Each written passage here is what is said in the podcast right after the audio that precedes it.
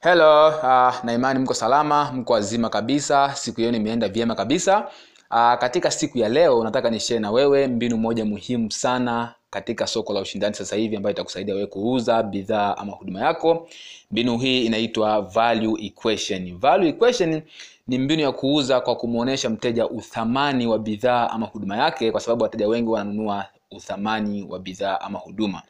Na ili kupata uthamani wa bidhaa ama huduma huo tunachukua faida za bidhaa yako then utoe gharama zake. Gharama ni zile ambazo atazipata baada ya kununua bidhaa yako ambapo zitamkosti zita pesa ndio tunaita gharama. Labda marekebisho na vitu vingine tunasema gharama katikati ya kutafuta uthamani wa bidhaa ama huduma. Kwa hiyo mbinu hii jinsi inavyotumika unafanya hivi. Unachukua karatasi then unachora katikati unakata mara mbili. Upande wa kushoto unaandika uh, faida upande wa kulia unaandika gharama. Au upande wa kulia upande wa kushoto unaandika gharama upande wa kulia unaandika faida. Then unaenda unaenda kulist moja kwa unaenda kulist moja moja ukiwa na mteja wako.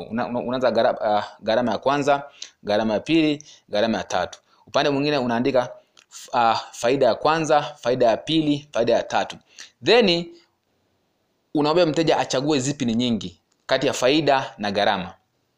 Okay obvious lazima faida zitakuwa nyingi si ndio? Sasa kwenye hizo faida zikiwa nyingi ndio uthamani wa bidhaa yako au ndio value ya bidhaa yako ilipo. Kwa hiyo mwambie ndivyo bidhaa yangu inavyofanya. Kwa hiyo bidhaa yangu ina faida nyingi kuliko gharama.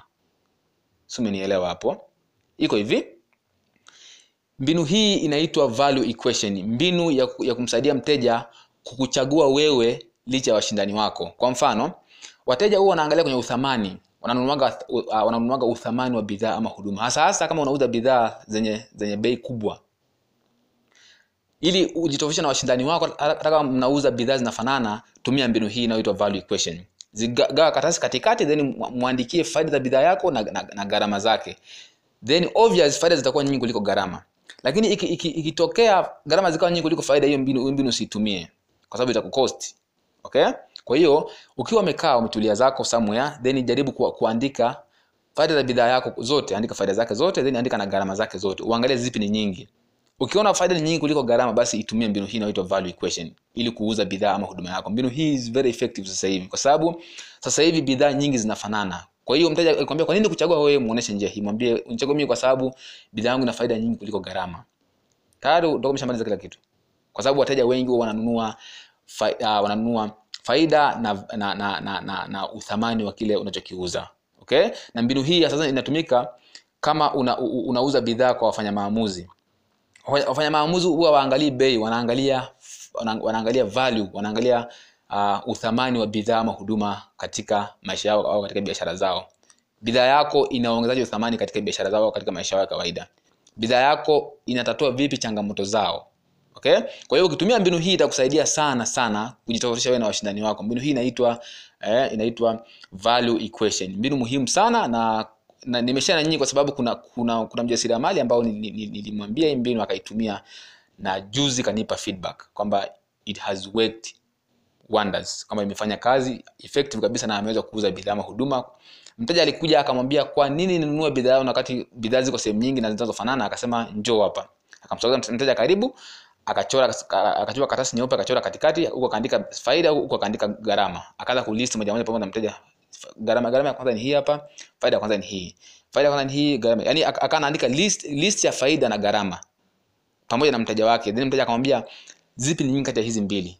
Faida ni nyingi ama gharama mbili? Ama gharama nyingi. Mteja akasema faida nyingi. Akasema ndio maana nakwambia hii bidhaa ni bora kuliko kwa sababu ina, ina faida nyingi kuliko gharama. Okay? Kwa hiyo itakusaidia sana hii mbinu kuuza kwa soko lenye ushindani kama sasa hivi.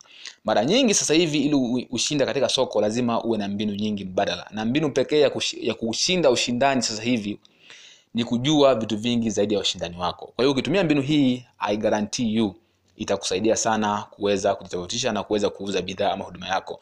Ikitokea mteja ukamwonyesha faida ni faida na gharama ni nyingi kuliko kuliko gara, uh, faida, faida na, na, na na thamani ni, ni, ni kubwa kuliko gharama basi uwezekano wa kununua bidhaa kwa asilimia mia upo. Point ambayo huwa tunafeli ni kwamba tunashindwa kuonyesha wateja wetu eh, faida au jinsi bidhaa itakavyotatua na kusolve tatizo lao. Kwa mfano mbinu hii inafanya kazi hivi. Mnaweza mkawa mnauza bidhaa zinazofanana lakini mwenzao kama hajui mbinu hii wewe utauza bidhaa ile ile lakini hataweza kuuza. Kwa sababu wewe utaweza kumwonyesha mteja uthamani kile unachokiuza kuliko yeye hata kama bidhaa zinafanana lakini wewe ukitumia mbinu hii utauza kuliko yeye. Kwa sababu tu umeweza kuvumbua uthamani kwa mteja na akaona uthamani. Mara nyingi wateja wengi huwa hawajui uthamani wa bidhaa ambazo wanazinunua mpaka pale zingine ukizivumbua pamoja na wewe then ata atanunua bidhaa yako. Huwa iko hivi.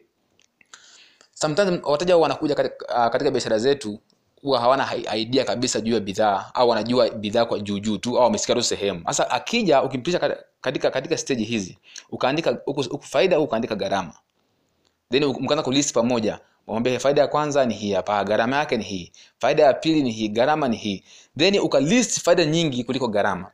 Ukamwambia ungekuwa ni wewe hmm? unge, ungechagua unge, unge, ungechagua upande gani kati ya faida na gharama? Laz- lazima atakwambia ni kwenye faida kwa sababu kwa sababu faida nyingi kuliko gharama then tayari kashanunua bidhaa. Kwa hiyo utamwambia bidhaa yangu ina, ina faida kubwa na uthamani mkubwa kuliko gharama. Kwa hiyo ndio bidhaa sahihi ambayo ita, ita tatizo lako.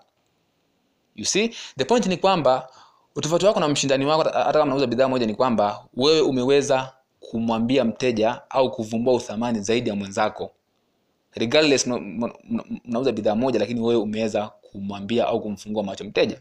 Kwa hiyo wewe una advantage kuliko mshindani you see? Kwa hiyo ukitumia mbinu hii i guarantee you success kwamba itakusaidia sana kuweza kuongeza mauzo ya bidhaa ama huduma yako. Mbinu hii ni very effective. Na kwa bahati nzuri ni kwamba uh, mbinu ambazo unazifundisha mimi sio theory. Naziishi na zinafanya kazi. Na testimony nyingi sana ambazo zimewasaidia watu wengi ku- ku- kufanya mauzo. Huwa nikishawasaidia watu au mimi mwenyewe nikitumia na ika- ika- ikaleta matokeo na kuja kushare na nyinyi hapa kwamba njia hii inafanya kazi. Kuna mbinu nyingi sana za kuuza lakini kuna mbinu zingine tanzania hazifanyi kazi. Kwa hiyo ukiwa nimeshare mbinu nyingi nimeshare mbinu hapa ujue inafanya kazi na ukitumia itaku- itakusaidia kuongeza mauzo. Kwa hiyo tumia mbinu hii itakusaidia. Imefanya kazi na nime, nime approve then ndio maana share na wewe inaitwa value equation. Kwa hiyo kwa kukazia ni kwamba ili kutumia mbinu hii uh, mteja akija ili kumuonesha utofauti wako wewe na, na, na, na washindani wako ama kumfumbua macho mteja wako au kumwambia mteja jinsi bidhaa yako ilivyokuwa bora kuliko washindani wako mwombe mteja pembeni then uh, chora chua karatasi nyeupe then chora katikati gawa pande mbili. Huku andika faida huku andika huku andika gharama. Anza kulisti faida zake zote then anza kulisti gharama zake zote. Obvious. Faida la- la- lazima ziwe nyingi kuliko- gharama. Then umwambia ungekuwa ni wewe ungechagua upande gani. You see? Kwa- kwa- obviously ata, ata, ata, ata, ataona faida ni kubwa kuliko kuliko gharama na watu huwa wananunua faida kama nilivyowaambia. Kwa hiyo ukiona faida nyingi atanunua kuliko gharama.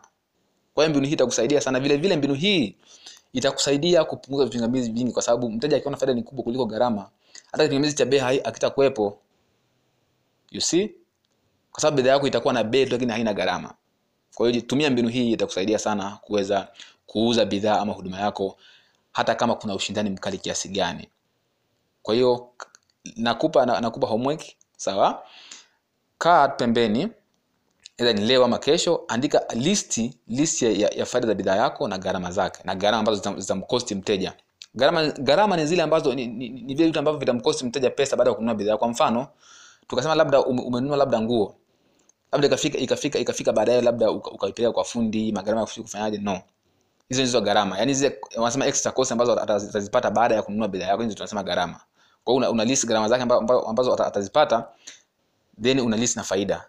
Obvious faida lazima ziwe nyingi kuliko gharama.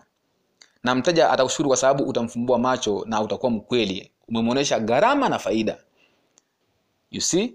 Kwa hiyo atajua kabisa huyu mtu haipo kwa ajili ya kuniuzia ipo kwa ajili ya kunisaidia kutatua tatizo langu kwa sababu umemwambia ukweli. Kwa hiyo itakusaidia sana mbinu hii kufanya mauzo mengi. Kwa hiyo tumia mbinu hii inayoitwa value equation. Asanteni sana. Kama kuna swali basi muulize tuweze kusaidiana. Karibuni sana